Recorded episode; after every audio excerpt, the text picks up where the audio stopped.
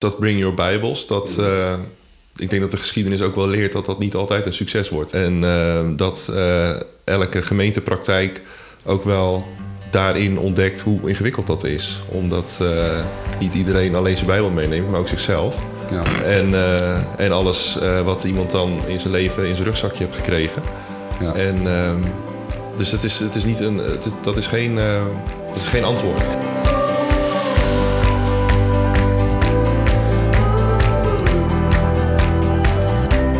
Welkom in de podcast Begrijpend Leven, waarin we op zoek gaan naar de grote vragen van millennials rondom de Bijbel, het Evangelie en de kerk. Wat zijn eigenlijk de vragen van deze generatie? Welke rol zien zij nog in de kerk? Met ervaringen en experts gaan wij op zoek naar die ene vraag. Hoe kunnen wij samen de Bijbel leren lezen en leven?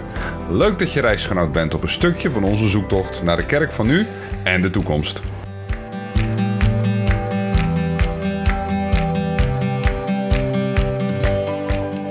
De titel van vandaag is Samen lezen in polariserende tijden. En ik zit aan tafel met Peter Kruid en Jan-Martijn Abrahamsen. Peter Kruid is predikant van de Baptistengemeente Amersfoort en hij doet daar een onderzoek geloof in gesprek. En hij vraagt zich eigenlijk af hoe kunnen, kun je als kerk samen nadenken, de Bijbel lezen en in gesprek over de hete hangijzers zonder elkaar uit het oog te verliezen. Hoe praat je samen over moeilijke thema's als homoseksualiteit, schepping, evolutie, eh, het huwelijk? En hoe vind je daar gezamenlijkheid in in een tijd van individualisering, secularisering, deinstitutionalisering en polarisatie? Het is een mond vol, Peter.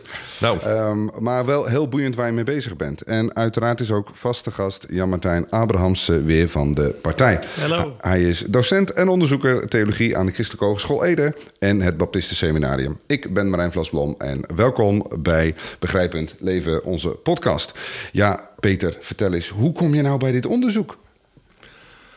Um, nou, dat, uh, dat zijn twee dingen die dan bij elkaar komen. Aan de ene kant ben ik een master aan het doen in kampen... Uh, waar je op een bepaald moment een scriptie moet schrijven. Zo'n zo onding wat ze dan aan het einde van zo'n geweldig traject zetten.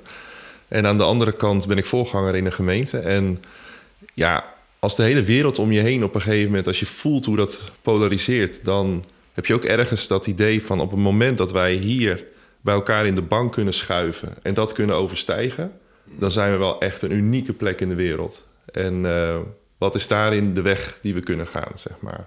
En die twee die heb ik geprobeerd bij elkaar te brengen. Ik proef er ook een heel, heel diep um, um, verlangen in. En tegelijkertijd hoor ik je zeggen, wat als? Betekent dat dat je dat nu niet zo ervaart? Um, nou, ik denk dat we er ons niet altijd even bewust van zijn. Dat, dat we heel verschillend in die banken zitten. En ik denk wel dat we ons heel bewust aan het zijn dat, van de, de wereld om ons heen. En dat die dus heel erg uh, geneigd is om te polariseren. Tenminste, dat is wat je meekrijgt. Dat is wat je ziet als je... Het is urgenter geworden, zeg jij. Ja, het is urgenter geworden. En, en, en ik denk dat we in de kerk eerder dan geneigd zijn om dat maar een beetje toe te dekken en te proberen om dat. Uh, maar daar ga je het volgens mij niet meer redden. Dus, dus ergens moet je daar iets mee. Het gaat niet meer vanzelfsprekend goed. Nee, dat denk ik niet. Op termijn niet. Nee. nee. Hey, en um, ik heb even jouw onderzoeksopzet uh, gelezen. En jij omschrijft daarin eigenlijk een verschuiving van moderniteit naar postmoderniteit. Kun je die begrippen even uitleggen? En wat dat nou te maken heeft met het lezen van de Bijbel? Ja, nou, best wel een flinke vraag. Is niet iedereen het ook heel erg over eens, heb ik het idee wat dat dan is. Ja. Maar ik denk dat, dat mensen in de moderniteit um, um, heel erg bezig waren met die vraag naar kennis. Hè? Hoe vergaar je kennis? Uh, wat is ware kennis? Uh, en ik denk dat christenen vanuit de moderniteit daarin dus ook heel erg bezig waren met de Bijbel op een manier van hoe, hoe is dit de bron van onfeilbare kennis en hoe, hoe verkrijgen we die kennis? Mm -hmm. ja. En we zijn ons door de tijd heen steeds meer bewust geworden van onszelf, van uh, hoe we ons voelen, wie we zijn. En, en dat is denk ik wat steeds belangrijker is geworden in het lezen van die Bijbel. En daarmee zijn we ook aangekomen in nou ja, wat we dan postmoderniteit noemen, of uh, de tussenfase waar we nu in leven een tijdperk van authenticiteit. Je bent zelf mm -hmm. je eigen bril waarmee je de schrift leest. En dat gaat steeds grotere rol spelen in het lezen van de Bijbel. En dat is, uh, dat is de verschuiving, denk ik, die in ieder geval in de kerk met het lezen van de Bijbel heel erg duidelijk ziet.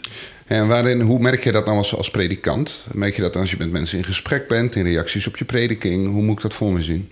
Nou, ik denk dat, dat mensen veel meer luisteren naar je met oren van wat betekent dit nou voor mij? Wat heb ik hier aan? Uh, wat, wat, wat betekent dit voor, voor mij morgenochtend om acht uur als ik die schoolklas binnenloop waar ik voor sta of die bouwketen binnenstap? En, en dat ze veel minder bezig zijn met een soort cognitief niveau van hey, uh, wat staat hier? En, en als een soort objectieve, ultieme uh, waarheid. Ja, precies. Hm. Ja.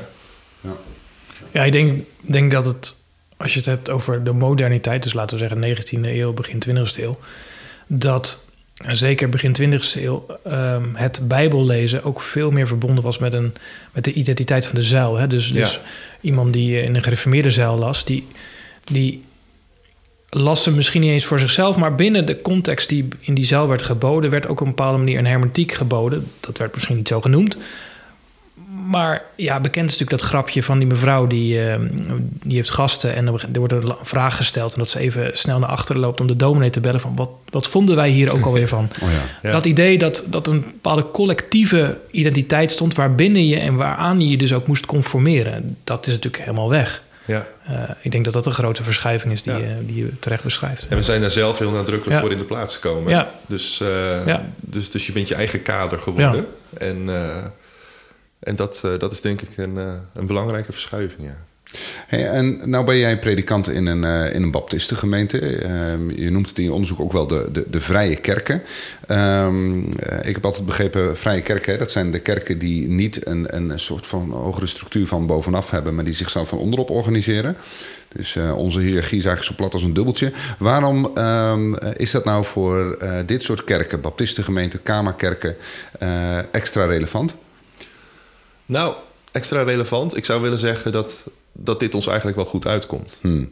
dus, dus juist omdat wij niet ehm, ja, in die hele duidelijke kaders van bovenaf hebben geleefd als kerken, denk ik dat het in die zin wel een tijd is die ons goed past. Dat we opnieuw kunnen ontdekken wat het dus betekent om op plaatselijk, lokaal niveau met elkaar te onderzoeken wat die schrift voor die lokale gemeenschap betekent. Ja.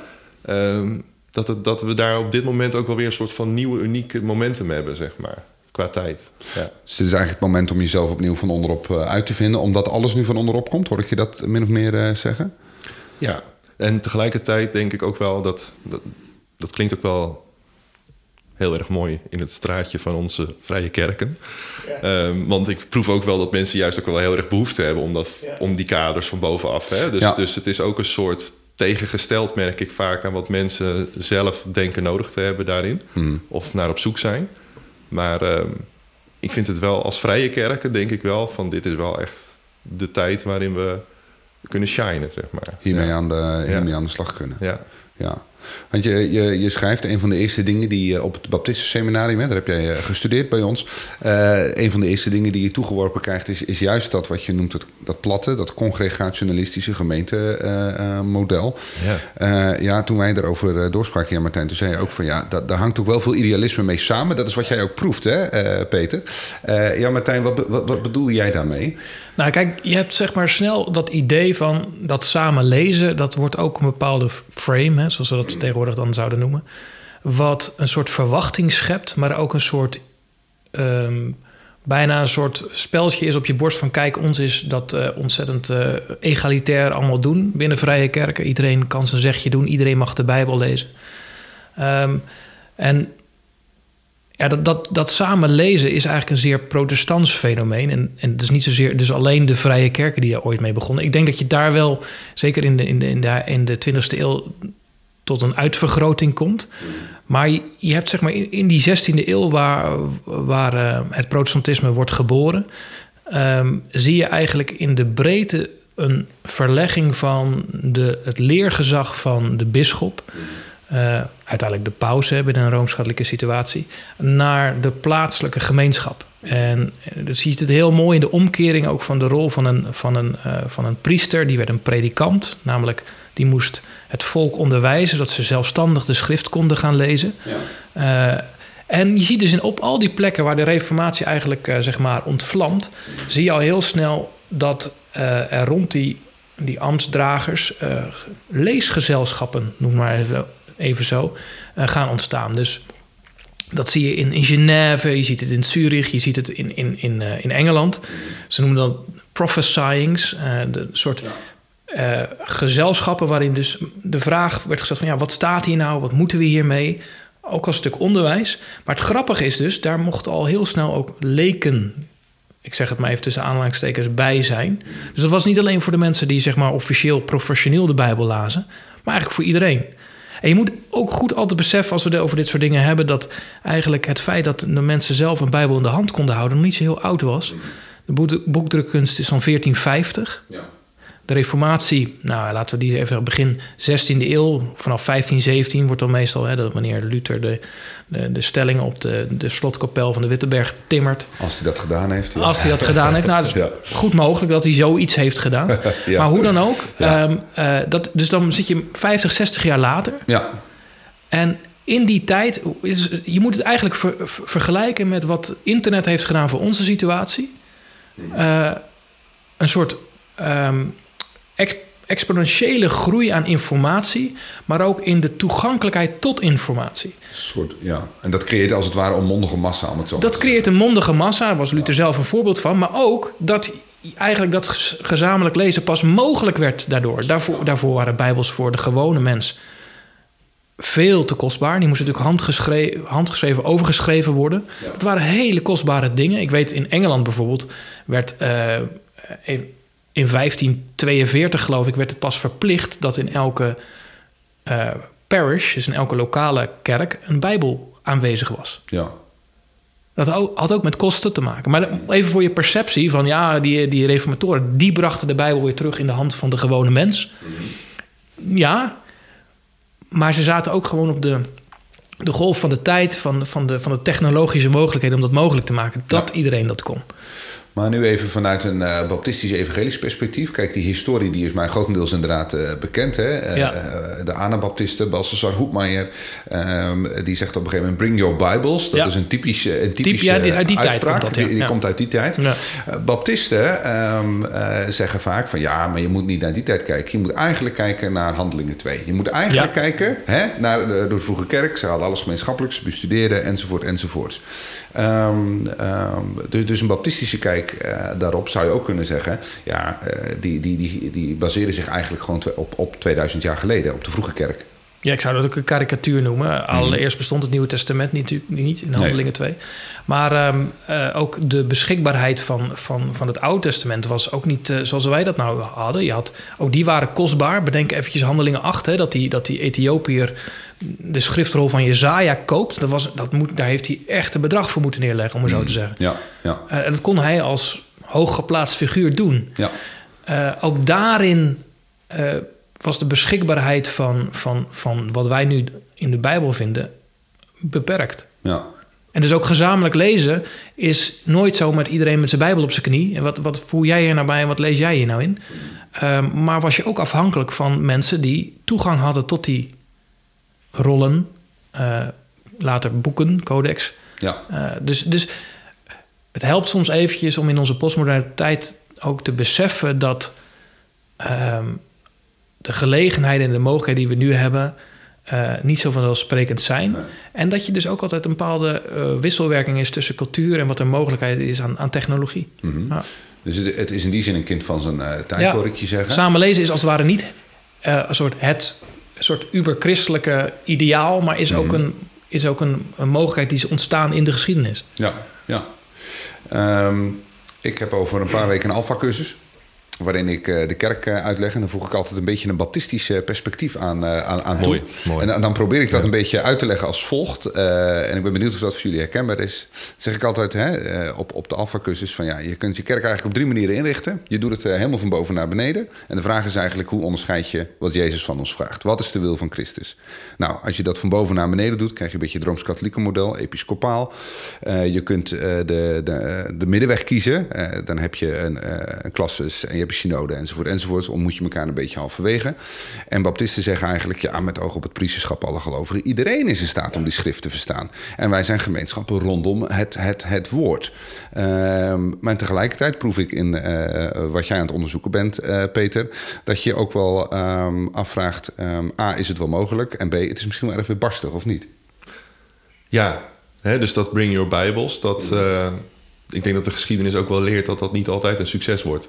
Nee. En dat elke gemeentepraktijk ook wel daarin ontdekt hoe ingewikkeld dat is. Omdat niet iedereen alleen zijn Bijbel meeneemt, maar ook zichzelf. Ja. En, uh, en alles uh, wat iemand dan in zijn leven in zijn rugzakje heeft gekregen.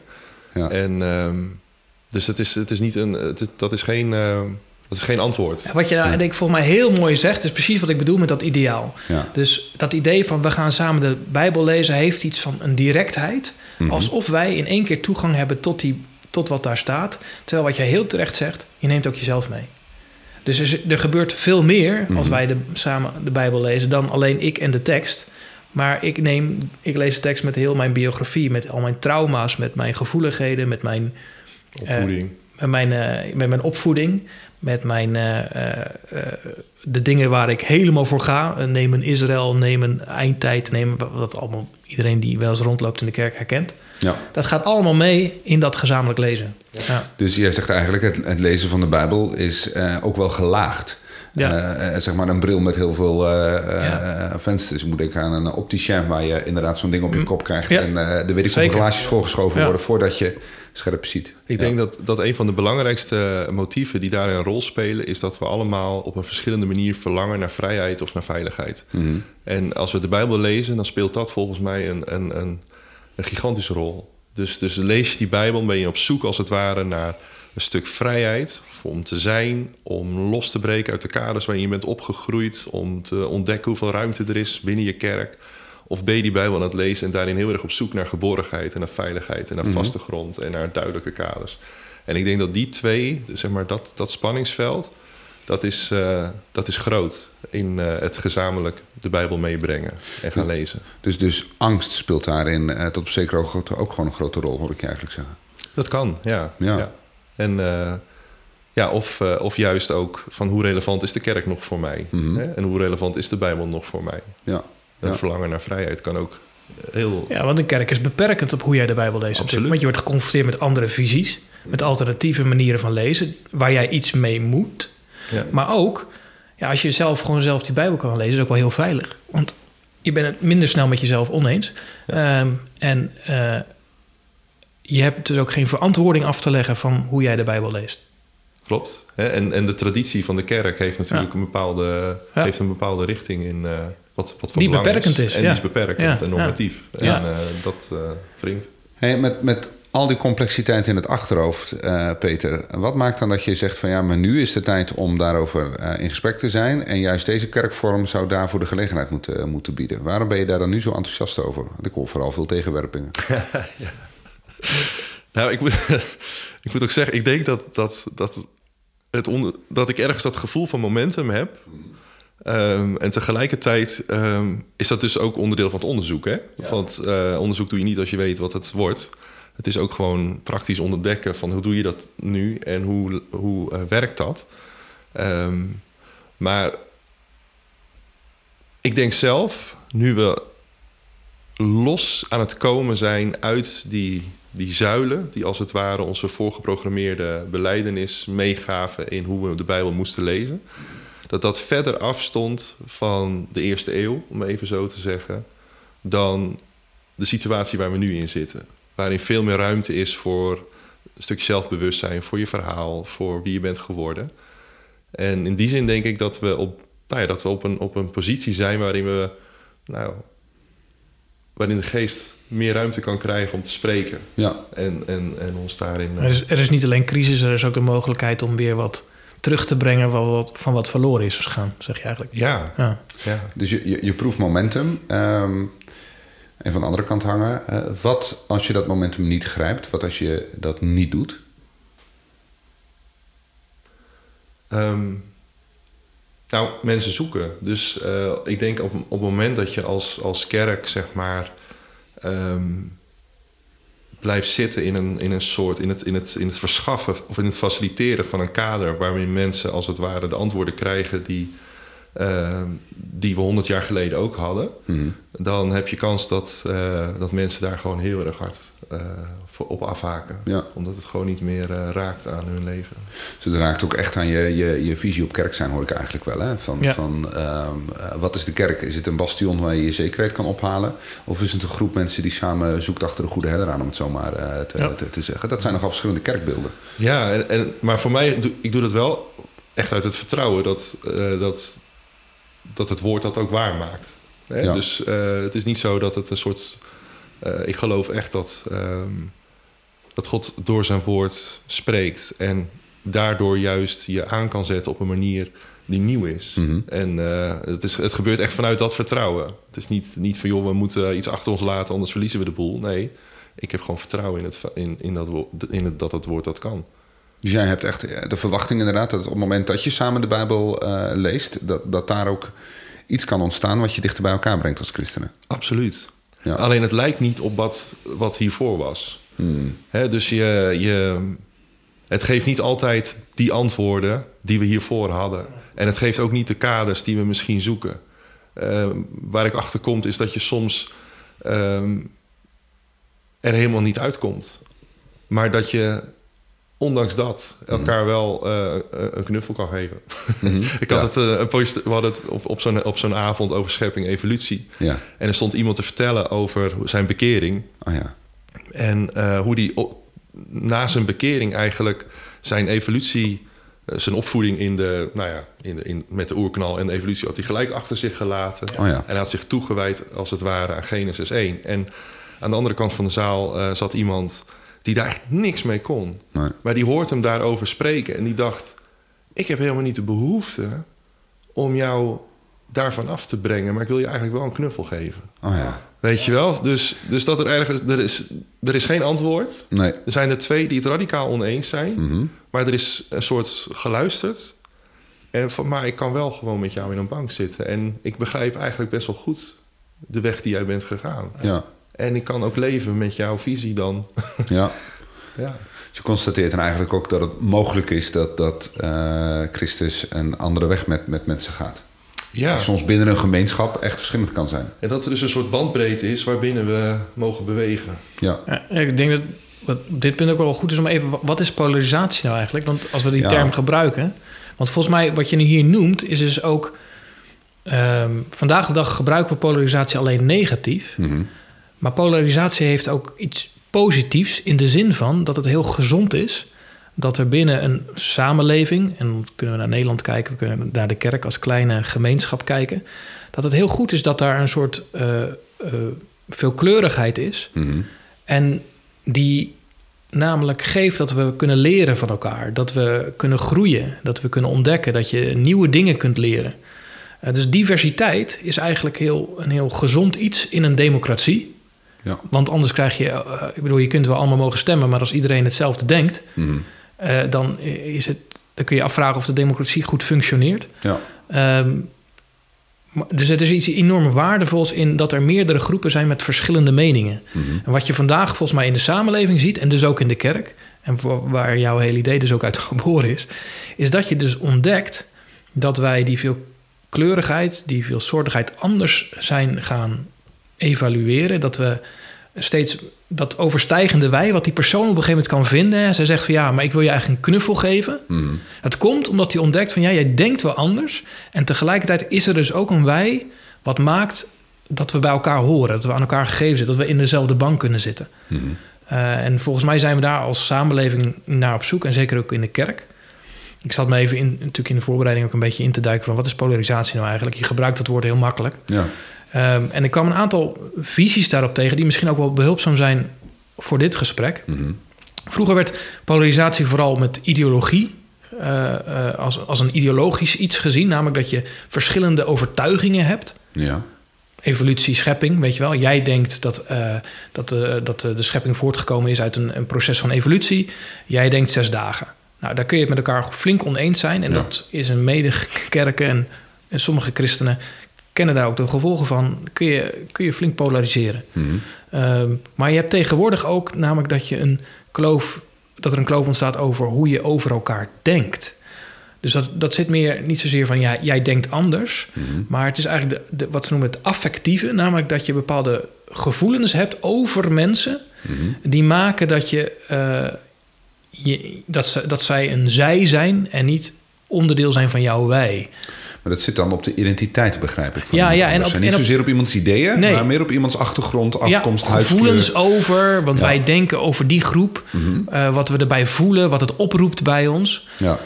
Um, en daarnaast heb je ook nog dat, dat is een, een derde, die, komt, die is door een wetenschapper, Roderick Rekker, ik zal zijn naam even noemen. Ja. Um, namelijk is een variatie, namelijk dat je uh, het niet meer eens bent over de feiten. Dus, dat is, dus het gaat niet over zeg maar, dat je verschillende ideeën hebt, maar dat je zelfs de feiten betwist. Ja. Dus dat wil zeggen, wat we dus hadden, bijvoorbeeld in de coronacrisis, mm -hmm. hè, dat, dat, dat we. Nou, je had de wetenschap en die zei van, nou, corona is bedreigend. Ja. En, en zus en zus moeten het oplossen. En dan kon je dus met elkaar in, in gesprek gaan, wat is nou een goede oplossing? Ja. Nou, dan kon je behoorlijk met elkaar van... Moet je, moet je op afstand gaan zitten? Moet je de kerken helemaal dicht doen bijvoorbeeld? Moet, je, moet je met mondkapjes gaan zitten? Nou, daar kun je een heel goed gesprek over hebben. Maar wat je ook had, was er een groep zei van... ja, nee, corona bestaat helemaal niet. Nee. Dat is een uitvind. Nou, en dan kom je dus op wat ze noemen factual belief polarization. Uh, excuus. Maar dat je namelijk betwist dat de feiten zo zijn. En dan kom je dus op een heel moeilijk speelveld... Mm Waar je dus elkaar ook bijna niet meer kan vinden. Nou, dat hebben we ook gezien. Het alternatieve feitentijdperk, ja. onder andere door Trump, hè, groot exact, gemaakt in Amerika. Precies dat. En dat is wat we dus ook vandaag de dag zien. Dat je dus alternatieve, wat je ook in de kerk vindt. Dus je krijgt mensen die via YouTube andere filmpjes gaan kijken. Die hun eigen voormannen hebben. We, hebben. we hebben die figuur gehad die dat krantje heeft verspreid binnen. Oh ja. Kun je, uh, zijn naam zal even niet genoemd worden. Maar ik bedoel, we weten wat bedoelen. Die heeft en die betwist dan eigenlijk... De eindtijdkrant, ja. ja. die betwist eigenlijk de, de, de, de bepaalde feiten... waardoor je dus elkaar slecht ontmoet. En dan is er nog een vierde. En dat is eigenlijk dat je ideeën hebt over wat die ander denkt. Mhm. Maar dat hoeft niet waar te zijn. Dus dat, heb je, dat is niet ge, gecheckt? Nee. Dus dat, wat zie je ook wel in de Bijbel ziet, ja, dan, dan hoor je ja, nee, maar die mensen die, uh, die zijn bijvoorbeeld, uh, uh, die stellen vragen over Genesis 1. Nou, die zullen wel vrijzinnig zijn en die zullen dus ook wel vinden. Ja. Dus dat je als het ware een soort um, uh, in zichzelf uh, kletsende bubbels krijgt, die ideeën over andere bubbels hebben, zonder dat ze nog met die bubbels in gesprek ja. gaan. Dat, dat is, is ook heel, heel dat is natuurlijk eigenlijk gewoon een beeld van een ghetto, hè? Ja. Uh, en duidelijk binnen, binnen en buiten. Het valt me wel op, je, je uh, vliegt hem aanvankelijk positief aan. Van, ja. ja het, het, het is gezond, het, ja, het hoort een bepaalde mate van polarisatie heb je dus eigenlijk nodig, ja. En tegelijkertijd uh, zitten we vandaag de dag um, met allemaal reclamespotjes van Sieren op tv. Ja. die, die zegt, ben je een discussie aan het winnen of elkaar aan het verliezen? Um, um, dus dus ja, het heeft ook wel echt zijn, zijn negatieve kanten. Vind je ook niet dat het dan nu aan het doorslaan is? Nou, ja, ik, ik, ik, heb uh, een beetje verdiept, dus ik leen heel veel kennis van anderen op dit moment. Maar je hebt uh, Karel Smouter, een, een, bekende journalist, die heeft een boekje geschreven, Blauw, Wit, Rood. Ja. En hij spreekt daarin van opiniepakketten. En ja, ik herken dat direct ook in de kerk. Namelijk dat je dus zeg maar bepaalde tegenstellingen over ideeën, oh ja. die, gaan, die, die worden een soort vergaderd bij elkaar. Dus je ziet dat in de samenleving, bijvoorbeeld zag je dat rond corona, maar dat, dat is dezelfde groep die bepaalt over, over Zwarte Piet bepaalde ideeën heeft. Mhm. En nu over stikstof bijvoorbeeld. Hè? Dat is dezelfde groep. Ja. Nou, dat heb je binnen de kerk ook. Dat bijvoorbeeld als jij zus denkt over, over uh, Israël, dat, daar zit ook vrouw in ambt vraagstuk aan, daar zit schepping en evolutie. Dat is allemaal doop, ja. de doop, weet je wel, dat is één groep. Uh, en dan, wat je dan krijgt is eigenlijk een, een, een, een, uh, een soort samengaan van verschillende discussiepunten, waar je verschillend over van mening kan verschillen, maar die dus gaat overlappen, waardoor je echt groepen krijgt die op verschillende punten diametraal tegenover elkaar staan.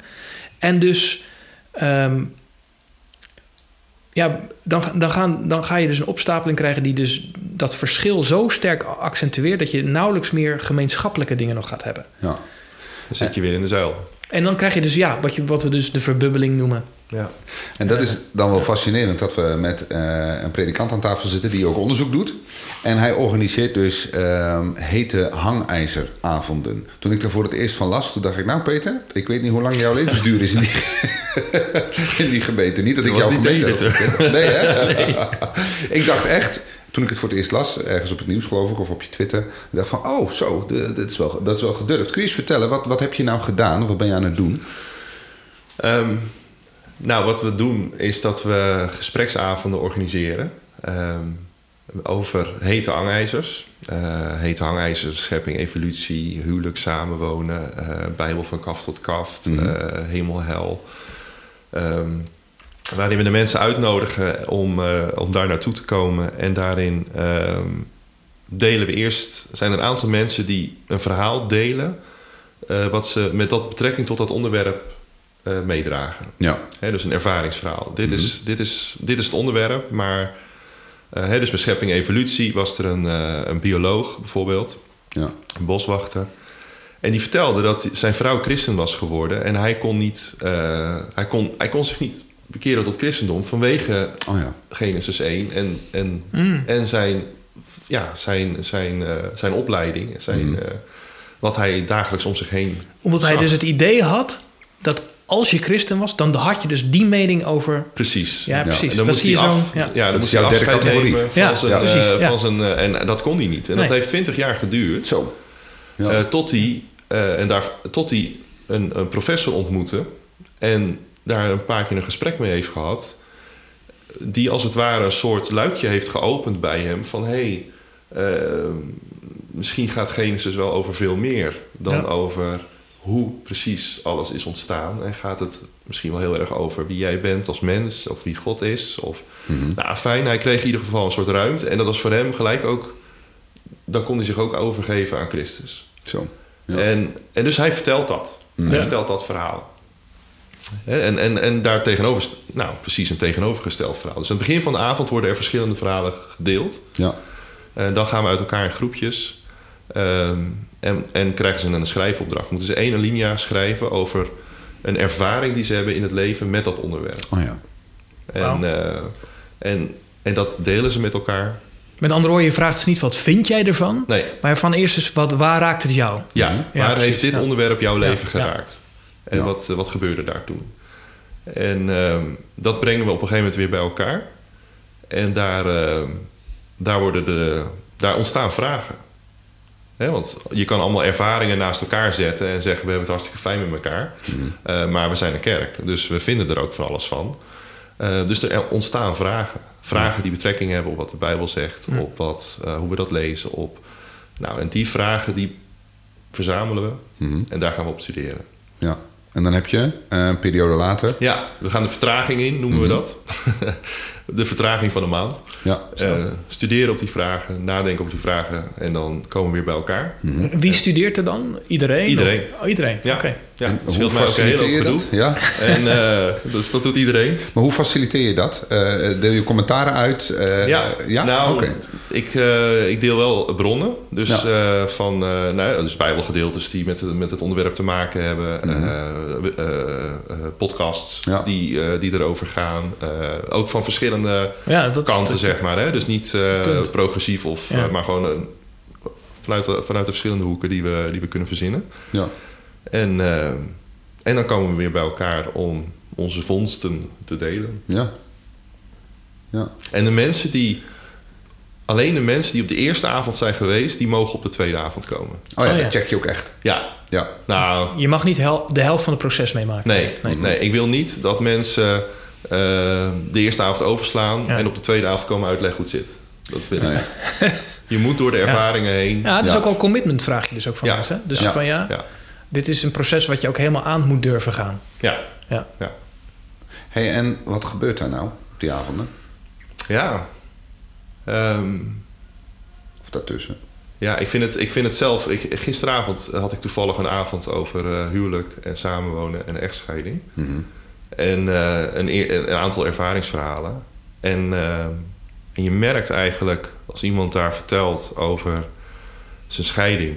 Um, ja, dat het gewoon iedereen raakt. Hmm.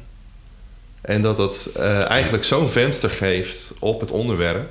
Um, ja, dat, dat doet iets in, je, in, je, in het lezen. Ja. En um, dus eigenlijk ben ik aan het... Ik ben voor, vooraf voel ik altijd een beetje spanning. Um, hè, zullen de asbakken door de zaal vliegen of niet? Mm -hmm. maar eigenlijk, ja. wat voortdurend de conclusie is... het wordt helemaal niet heet. Nee. Dat zijn wel heet aanwijzen, maar het wordt helemaal niet heet. Uh, want je, je bent gewoon... Op dat moment voel ik gewoon heel sterk... dit is wat gemeente zijn is. Mm -hmm. Ja. Dus jouw ja. ervaringen zijn eigenlijk heel positief? Mijn ervaringen zijn echt heel positief. Hoe, ja. hoe groot is jouw gemeente? Um, nou, we, zijn acht, we bestaan uit 800 uh, mensen in de, in de lijst. Ja. En ik denk dat op een gemiddelde zondag uh, zijn er uh, rond de 400 mensen in de, in de zaal. Het is best wel een, een grote gemeente, zeker voor mm. baptistenbegrippen. Hoeveel mensen doen er nou mee aan zo'n avond over een heet, over een heet aanwijzers? Uh, zo rond, rond tussen de 40 en de 50. Okay. En heb je het idee dat dat een beetje, en uh, dat is best veel trouwens, ja. uh, tenminste als je een beetje thuis bent ja. in ons soort gemeente, ja. voor ons is dat veel. heb je het idee dat dat een beetje een afspiegeling is van de, van de, van de gemeente? Nee. Dat nee, daar moet ik eerlijk over zijn. Okay, He, dus ehm, ik zie vooral mensen die hier heel veel zin in hebben. Ja, oh, precies. Ja. En het vraagt natuurlijk commitment, het vraagt een avond, noem maar op. Mm -hmm. Um, dus, dus je ziet de mensen die hier zin in hebben. Ja. En als ik dan even nieuwsgierig mag vragen, uh, mijn, dit is mijn hypothese. Hè? Mm. Um, zijn dat vooral mensen die hoger, of moet ik zeggen, theoretischer opgeleid zijn? Omdat ik kan me voorstellen dat, en dat is mijn ervaring ook, dat het kunnen verbaliseren van je gevoelens, mm. het kunnen lezen van teksten, het met elkaar in gesprek gaan, dat zijn toch wel vaardigheden die uh, vooral getraind worden in het hoger onderwijs. Ja. Uh, kunnen reflecteren op jezelf, et cetera. Um, en ik kan me heel goed voorstellen dat heel veel mensen in, in, in de praktische beroepen en in, in, in, dat minder getraind zijn en dus ook minder daartoe aangetrokken voelen om mee te doen. Dit is mijn, mijn gedachte. Ja. Herken je dat beeld of is dat ja. echt... Uh... Dat herken ik. Alleen ik denk dat Amersfoort, uh, ook vanwege het feit dat we in de stad zitten en vanwege het feit dat Amersfoort nou eenmaal zo'n stad is, ik denk dat wij ook in die zin een overpopulatie aan mensen hebben die theoretisch zijn opgeleid. Ja, precies. Dus, uh, Hier in Ede ook. Ja, dat is in Ede ook zo. Dat, is, ja, dat, dat is ook de aard van de gemeente. Dus het is ook echt een onderzoek in Amersfoort over de gemeente precies. in Amersfoort. Dat is wel een... een uh, ja. Hoewel om daar ook even op te reageren, ja, Martijn. Wat ik wel sterk vind aan de aanpak, aanpak van Peter is dat je het dus door het persoonlijk te brengen, het, het wel um, heel dichtbij brengt voor, ja. voor, voor, mensen. Toen wij hier in Ede, uh, daar heb jij zelf ook deel van uitgemaakt, van ja. dat proces rondom homoseksualiteit, merk je dat mensen die in hun eigen leven van dichtbij meemaken. Uh, geconfronteerd worden met uh, een zoon of een dochter die uit de kast komt. Ja. Dat maakt ineens opleidingsniveau niet gek voluit volgens nee. mij. Maar dan komt het ineens dichtbij. En ik kan me voorstellen dat dat ook wel de kunst is van jouw aanpak, Peter. Uh, doordat je iemand elkaar in de ogen laat kijken, elkaar als broer en zus in Christus zien. Ja, en dan zeggen, ja, ja, en toch kijken we heel anders. Sterker nog, ehm, de eerste avond had ik een dilemma. Ehm, ik had via enquêtes opgehaald hoe mensen erin zaten. Mm. En ik had een, uh, een, een, een, inleiding gehouden uh, over dat dilemma oh ja. aan de hand van de enquêtes. Dus ik had toen het idee dat ik als het ware uh, bij de gemeente begonnen was. En nou zelf dan eventjes dat netjes uit elkaar zetten, neutraal. Ja. En daarna het gesprek.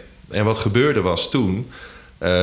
Hè, dat was dat het, dat het een hele cognitieve avond bleef. We mm. bleven heel erg in ons hoofd zitten ja. met z'n allen. Ja, het ging over definities. Het ging over wat bedoel je nu eigenlijk hiermee? Wat bedoel je eigenlijk daarmee? Waar stopt dat? Waar begint het ander? En we kwamen helemaal niet uh, bij het leven. Nee. Terwijl dat de opzet was. He, dus het is eigenlijk pas... En dat is denk ik een van de dingetjes die, we, die ik ontdekt heb... van echt gewoon verhalen vertellen aan het begin. Helemaal los van inhoud, los ja. van wat er op het spel staat. Zonder commentaar. Zonder commentaar. Ja. Gewoon verhalen delen. Mm -hmm. Dat heeft ons geholpen om uit ons hoofd te komen en bij het leven te komen, zeg maar. Ja, ja want dat is natuurlijk interessant. Hè? Je zegt uit het hoofd komen. Dat herken ja. ik als beeld heel erg. Nee, dat is een sterk beeld. Uh, want het wordt ineens lijfelijk in, in die verhalen. Tegelijkertijd... Um, je zorgt ervoor namelijk dat het niet een slechts een uitwisseling van ideeën is. Van, uh, wat je de eerste versie van polarisatie. Hij heeft andere mening over iets. Ja, ja. Maar ineens gaat het over mensen, vlees en bloed, et cetera. Maar wat doet dat met die overtuigingen? Daar ben ik dan eigenlijk benieuwd naar. Ik kan me, het is niet per definitie, ik weet niet je dat herkent... dat je gelijk altijd verandert van mening over iets. Nee.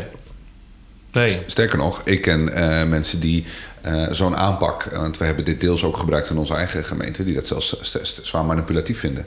Dat je met de persoonlijke verhalen begint. Want uiteindelijk leuk en aardig wat uh, broeder en zuster ervan denken en wat hun ja, ervaringen zijn. ja. Maar de Bijbel. ja, de Bijbel zegt al dit. Ja, precies. Kun je wel met je leven komen. Maar, ja. ja. Ja, en, en uh, alleen het, het feit dat je met ervaringsverhalen begint, wil niet zeggen dat de Bijbel niet primair is. Hè? Mm -hmm. nee. Alleen je, je,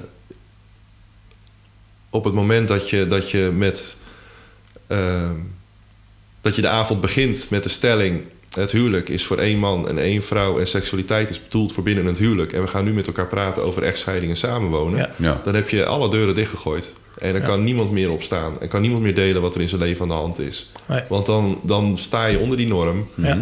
En, um, en er zitten een paar geluksvogels in de zaal die denken dat ze, dat ze, dat ze daar niet uh, dat ze dat aardig voor elkaar hebben. Ja. Uh, maar dan is, het, dan is de deur dicht. Ja. Mm -hmm. En het maakt ook iets, tenminste, dat heb ik. Hè. Ik, ik, ik hou ook al van een stevige discussie. Um, als je zo zou beginnen, maakt ook iets in mij wakker. Hè? Dus oké, okay, bam. Weet ja. je wel? Stelling, ja. stelling maakt iets anders in mij wakker dan een levensverhaal. Ja, ja. precies dat. Ja. En dat, uh, dus dat is ook manipulatief. Op het moment dat je met die stelling begint, ja. dan manipuleer je ook. Hè? Dus, uh, Zelfs als je met een bijbeltekst zou beginnen. Ja, zeker. Ja. En nou begin ik ook wel met uh, een kleine opening, echt. Ja. natuurlijk. Maar mm -hmm. ja, dat gaat meer, dat is vaak meer overstijgend over ja. hoe, hoe zijn we, nou ja, ja. gemeente met elkaar. Ja, precies. Ja, ja. Zijn er ook mensen geweest die tegen jou uh, hebben gezegd, ja, je, je grapte net al even, meerdere mensen hebben dat gedacht, maar die tegen jou hebben gezegd van ja, Peter, uh, juist in tijden van polarisatie, hier moet je juist niet aan, uh, aan beginnen? Ja, ja. Ja? Ja, zeker. Ja, dus ehm, ja, waarom uh, het, het, het, gaat net weer, het gaat net zo lekker. Mm -hmm. Ja, ja. ja. gemeente, het gaat net zo lekker. Ga je de knuppel en dan, uh, ja. Maar dat zit echt wel aan wat Jan Martijn het ook zei. Van, um, we hebben als kerk, denk ik, de neiging om een stukje gemeenschappelijkheid te vinden in gelijksoortigheid. Ja. He, dus we willen, we willen op elkaar lijken. En als we op elkaar lijken, dan geeft dat een bepaald gevoel van veiligheid. En dat Controle kan gaan ook, over ja. opvattingen. En dat kan ook zelfs gaan over hoe je eruit ziet. Um, en tegelijkertijd, nou ja, je noemde net het woord ghetto. En dat, mm. is, dat is een concept van, van Bouwman. Die zegt eigenlijk van ja, een ghetto is een plaats waar mensen op elkaar lijken. Um, maar waardoor dus ook een enorme kloof ontstaat tussen mensen die niet op je lijken. Ja. ja. En die kloof, dat, dat, dat, dat wordt een soort wortel van wantrouwen... wat in de gemeenschap zelf zijn werk gaat doen. Ja. Want als jij merkt dat dan mensen binnen je gemeenschap ook niet zo op je lijken ja, wie is, dan, dan word je onzeker. Dus gemeenschap is heel moeilijk in de ghetto. Mm. Ja. En zijn, daar tegenover staat dus van ja, maar als je dus diversiteit naar boven brengt. Ja. En het lukt je mm. om dan toch met elkaar in die bank te schuiven. Ja. Dan uh, voorkom je de ghetto. Wat je nu zegt, blijkt ook uit onderzoek, hè, wat ik dan had gelezen, is dat des te sterker die groepsidentiteit wordt, dus die, die, uh, die betonnen groepsidentiteit, mm -hmm. ja. des te meer mensen het contact met anderen, mm -hmm. mensen die er anders uitzien, anders denken, als zinloos gaan ervaren. Mm -hmm. Dus naarmate jouw identiteit, uh, jouw groepsidentiteit sterker wordt, ga je ook niet meer de functie of de toegevoegde waarde zien van de uitwisseling met anderen over ideeën of andere levensstijlen, et cetera. En met als gevolg dat wanneer je zo'n gesprek wel hebt, je ook bevestigd wordt daarin. Ja, Dus het is een soort zelfversterkend effect. Ja. En waarom is, dat, waarom is dat belangrijk? Omdat we als gemeente per definitie bestaan voor de wereld die buiten is. Ja. He, dus dus dat, die grote opdracht is best een probleem waar we mhm. mee opgezadeld zijn. En als die er niet was geweest, dan was het dus ergens een soort van prima geweest om ja. in die gelijksoortigheid een stukje veiligheid ja. te zoeken met elkaar. Ja. Maar het is juist dat missionaire motief dat ons eigenlijk uitdaagt om wel. We waren gewoon een bridgevereniging geweest die het hartstikke leuk had gehad. Ja, ja. En, en we moeten dus, die kloof is dus een probleem, hm. zeg maar. Ja. ja. En, en, eigenlijk een missionair probleem. Ja, ja. Want dat zorgt ervoor dat mensen geen deel kunnen worden van, uh, of, of zich niet eens aangetrokken voelen tot zo'n gemeenschap. Precies. Dus voor mij is het ook, heeft dat, dat, dat is ook wat ik dan teruggeef aan mensen die er wat bezorgd over zijn. Van ja, maar ik geloof dat, die, dat het naar boven halen van die diversiteit, die er gewoon al is. Hè? Dus het is ja. niet iets wat je creëert, dat is er gewoon. Maar ja. je brengt het aan de oppervlakte. Ik geloof dat het ons helpt mm -hmm. naar de mensen om ons heen. Ja. Om die te zien. Wat heel grappig is, is dat ik in de uh, Millennial uh, Challenge, uh, ik ga dan die projecten ga ik, ga ik langs. Um, het viel me laatst op in een gesprek, en ik heb dat gewoon even als controlevraag gesteld. Ik zeg van, kan het zijn dat jullie heel erg bezig zijn uh, met het idee van hoe maak ik mijn geloof op een of andere manier nog relevant en acceptabel voor uh, de omgeving uh, om, om mij heen? Mm -hmm. Ja, enorm. Dat was een mm. van de belangrijkste vragen voor, voor ja. hen op die, op, op die ja. avond. Dan ben ik even benieuwd, Peter, van die 40, 50 mensen die er komen. Ehm, zie je, je zegt het is niet echt een afspiegeling van de gemeente. Het zijn mensen nee. die geïnteresseerd zijn. Zie je daar bijvoorbeeld nog verschillen in, in generaties, in leeftijden? Ja, het hangt ook wel weer samen met de demografie van onze gemeente. Dus ik denk mm -hmm. dat zeg maar mijn uh, categorie, de, de veertigers, ja. Uh, die is oververtegenwoordigd in de gemeente en ook op die avonden. Ja, dus uh, generatie X zeg maar is dat, ja, hè? Ja. ja. En, en, en wat daar dan boven of onder zit, die zijn er ook. Ja. Maar ook echt wel in mindere mate. Ja, okay. ja. En um, zie jij verschillen in manieren van uh, het benaderen van dit soort hete hangijzers uh, tussen generaties? Zit daar verschil in? Ja, nogal. Ja. He, dus ik merk dat. Ik denk dat, dat het verschil uh, tussen de oudere generatie in de gemeente en de jongere generatie in de gemeente, ik denk dat dat een van de grootste kloven is die je mm -hmm. in de gemeente hebt. He, dus je hebt het dan echt over verschillende paradigma's. Je hebt het echt over verschillende manieren van. nou, hè, de oudere generatie is even generaliserend echt ja. meer op zoek naar uh, die kaders, naar ja. datgene wat ze zelf hebben meegekregen, Zeker waar ze zelf hun hele ja. leven in geleefd he hebben. Um, en de jongere generatie die is uh, veel meer op zoek naar die, nou ja, die relevantie, die individuele relevantie ook. Mm -hmm. um, veel meer van het moment, veel minder van uh, nou ja, de structuren en daarin zeg maar je, je rol nemen. Ja. Dus, uh, en dat, dat komt door al die gesprekken heen. Dus het is op die avonden ook. Hè, bezorgdheid zit vaak wat meer bij de wat ouderen dan bij de jongeren. Ja. Uh, ja. Nou, dat, dat herken ik wel vanuit onze. Uh, vanuit mijn eigen gemeente hier in, uh, hier in Ede. Daar hadden we op een gegeven moment een eerste kennismakingsavond rondom de thematiek, in dit geval van homoseksualiteit hadden een oudere broeder die zei zoiets van... Uh, ja, daar hoeven we toch helemaal niet over te hebben. Het is toch waanzinnig duidelijk wat de ja, Bijbel ja. daarover ja. zegt. Toen kwam er een, uh, iemand van begin twintig die ging staan. Die zei van ja, daar hoeven we toch helemaal niet over te hebben. Het is toch duidelijk dat God God van liefde is. Dat, het hier helemaal niet, dat dit geen onderwerp van, van gesprek is. Waarop een van de ouderen zei van ja...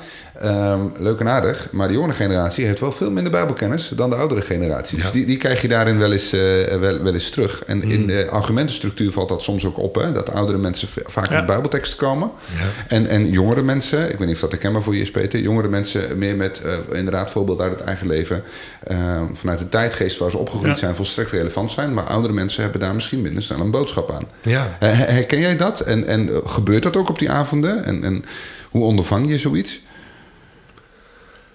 Um, dat het zo scherp wordt, dat, dat, dat niet. Oké. Okay. dus wat jij nu vertelt, mm -hmm. dat zeg maar gewoon uh, na elkaar als het ware, het, de soort, dat, dat, heb, dat, dat beleef ik niet zo op deze nee. avonden.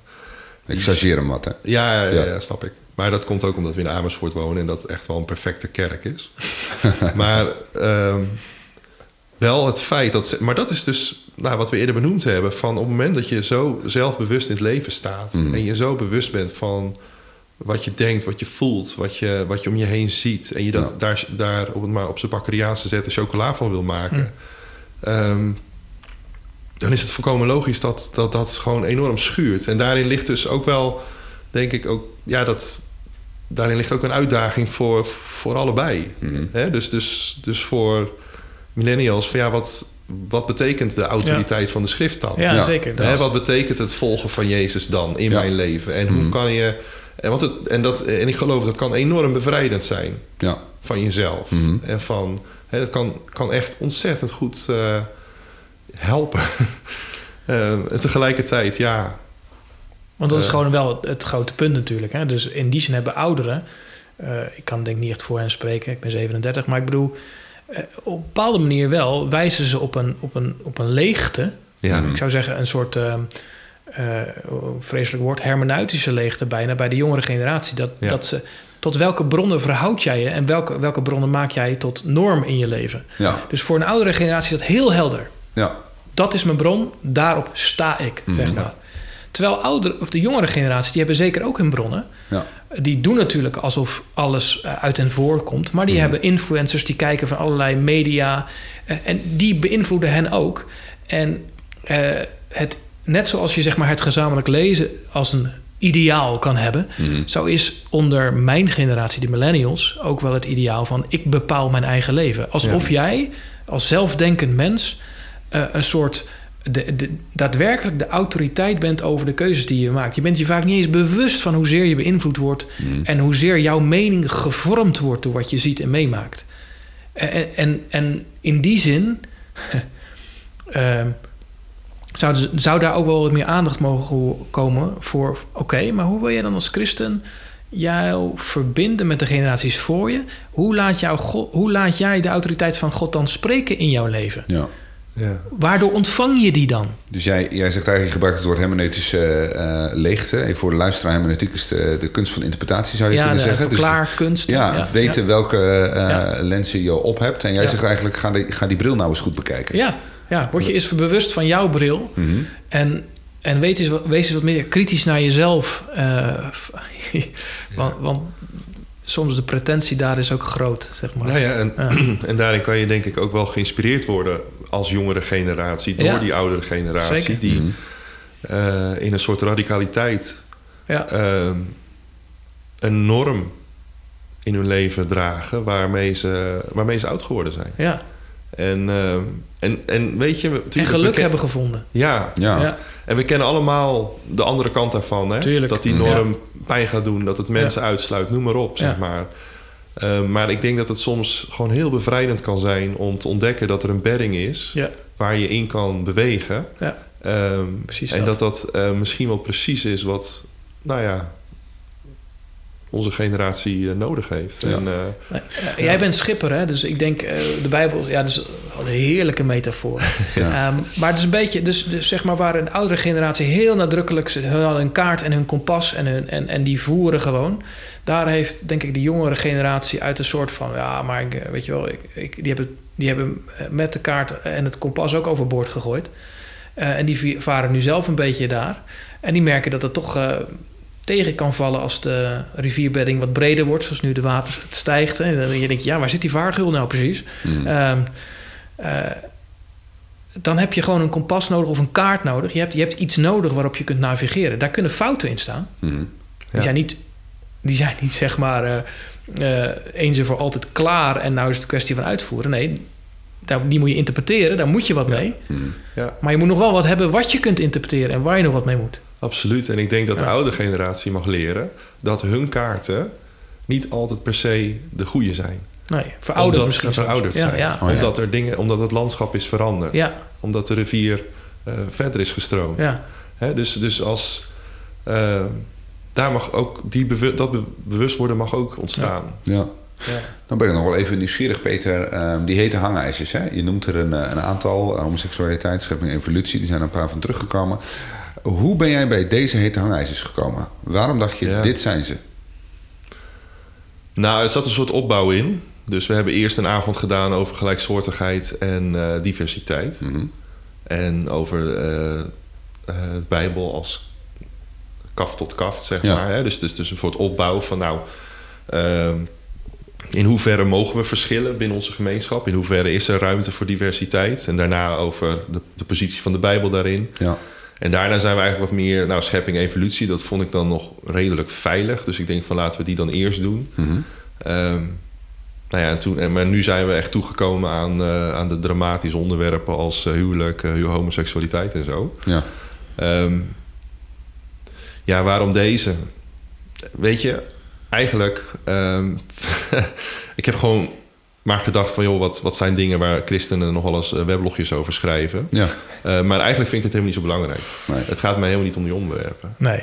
Het gaat mij om dat gesprek. Ja. En, het elkaar uh, vinden. Het, mm. Ja, en hoe doen we dat? En, uh, en hoe doen we dat niet? En wat werkt dan? En wat werkt ja. dan niet? En, en wat voor onderwerp daarboven staat, is dan voor mij wat minder relevant. en ik merk wel dat bij de bezoekers van de avonden dat wel echt een grote rol speelt. Dus dat ze kiezen van, nou, ik ga toch deze wel doen, of die niet, weet je wel. Want ik heb minder met dat of minder met zus. Ja. Maar, dat is ook verleden, ja. ja. tijd, maar goed, ja. Eigenlijk ben je dus bezig om een bepaalde gewoonte aan te leren, om het zo maar te zeggen, in de gemeenschap. Ja, ik denk het wel, ja. Ik hoop het wel, ja. En, en die ervaringen die je nu doet, je bent er eigenlijk heel enthousiast over. Um, geeft dat jou um, wat meer um, geloof, wat meer vertrouwen in misschien deze vorm van gemeente zijn, deze manier van gesprek voeren? Ja, het, uh, ik, ik moet eerlijk zeggen, toen ik uh, op het Baptistenseminarium geïndoctrineerd werd met het congregationalisme, was ik daar niet heel bijster enthousiast over. Dat kan ik me nog goed herinneren van ja. mijn vragen. Ja. ja. ik geloof ook dat ik in mijn afsluitende uh, essay daar ook het een en ander over gezegd heb. Waarvoor ja. excuses. Nee, nee, nee. Um, dat hoeft niet. Nee, maar weet je, je, je, stelde de goede, de goede vragen. En ik moet zeggen, ik was eerlijk gezegd heel blij dat bij uitstek jij dit, dit dus ook in de praktijk gaat, gaat onderzoeken. Um, dus dus ik vind het waanzinnig interessant dat je hiermee mee bezig bent. Maar ik ken inderdaad je kritische vragen. En die deel ik voor een, uh, voor een deel ook, hè, met je. Uh, ik weet niet of ik het eerder had gezegd, maar uh, die deel ik voor, een deel ook met je. Um, maar dat je die, die, die vragen nu echt gaat, gaat onderzoeken. En ik ben dus wel benieuwd inderdaad van... van um, wat doet dat inderdaad met, met, met jouw visie op die manier van kerk zijn? Ja, ik vind het zelf een zoektocht van wat is congregationalisme, zoals we dat nu in onze baptistengemeentes ontwikkeld hebben, langs de weg van gemeentevergaderingen, stemmen en, en zeg maar dat proces, waar ik vooral op gefocust was toen ik dat laatste essay schreef. Ja. Uh, en in hoeverre verhoudt dit wat we nu aan het doen zijn, waarin we dus ons heel erg focussen op dat proces, mm uh, zich tot het gemeentebestuur, zeg ja. maar. En daar ben ik nog niet helemaal uit. Hè? Dus, dus van we kunnen met elkaar zo'n avond hebben. We kunnen op een gegeven moment ook op een punt komen dat we elkaar begrijpen. We kunnen op een punt komen dat we weten waar de wegen uiteen gaan. Hmm. Uh, maar daar vandaan keuzes maken met elkaar. Die stap, uh, die vind ik ook nog wel moeilijk. Ja. Dus, uh, dus dat, dat, zal zich, uh, dat zal zich ook moeten gaan bewijzen hoe dat, uh, hoe dat verder ontwikkelt. Ja. ja. Hey, wat is nou een ehm, een gedachte die je mee zou willen geven aan uh, ja, misschien jonge mensen die uh, bezig zijn met, met die vraag: hoe verhoud ik me tot, tot, tot de kerk? Um, waar, waar, soms ook allerlei massieve ideeën uh, leven rondom hete, hete hangijzers. Um, wat, wat is jouw meegeven voor, voor een millennial die zich die vraag stelt? Nou, wat de kerk in ieder geval heeft, is een verhaal. Mm En ik ben zelf best enthousiast over het verhaal wat de kerk heeft. En ik denk dat ehm, op het moment dat we leren dat, dat we ons leven als het ware mogen voegen in dat verhaal wat God uh, met ons gaat. Mhm. En daarin ehm, ontdekken, de, ontdekken we dus een stukje bedding, zeg maar. En ik denk zo, als je, als je nu 25 bent en je hebt drie studies gedaan en je hebt vier werkgevers gehad en twee relaties gehad en je weet niet of dat je woonruimte kan vinden. En je, hebt echt, je zit in die zee van mogelijkheden, zeg maar. Dan is de bedding van het verhaal, wat dat er is en wat de kerk vertelt, hmm. is echt een zegen. Maar dat vraagt ook wel een stukje commitment. En dat is juist zo lastig, omdat je gezien hebt dat alles vloeibaar is. Ja. Hmm. En dat alles zomaar weg kan zijn. Maar die hmm. kerk is er al 2000 jaar. Ja. En geeft dat gewoon een kans. Een soort duurzaam wij eigenlijk. Wat ja. Je, ja. ja. Dat is mooi. Ja. En met die mooie gedachten, Peter en Jan Martijn, sluiten wij af. Dus de gemeente inderdaad als een duurzaam wij. Een gemeente als een plek waar het misschien wat meer over het gesprek, het leven, het proces zou mogen gaan dan de uiteindelijke standpunten en uitkomsten. Uh, ja, dat klinkt eigenlijk wel heel aantrekkelijk. Hartelijk dank voor je komst, uh, Peter, naar Ede. Jan Martijn, hartelijk dank voor het feit dat we in jouw huis uh, mochten zitten. En jij als luisteraar, hartelijk dank voor het luisteren. mocht je meer willen weten over dit project, ga eens naar begrijpendleven.net. Daar kun je meer over ons vinden. Luister naar de podcast uiteraard, maar ook uh, interactie met ons uh, aangaan. Dan vind je ook onze socials, onze nieuwsbrief. Hartelijk dank voor het luisteren. Heb een hele mooie dag. En Begrijp het Leven is mogelijk gemaakt door de Maatschappij van Welstand en Unie ABC.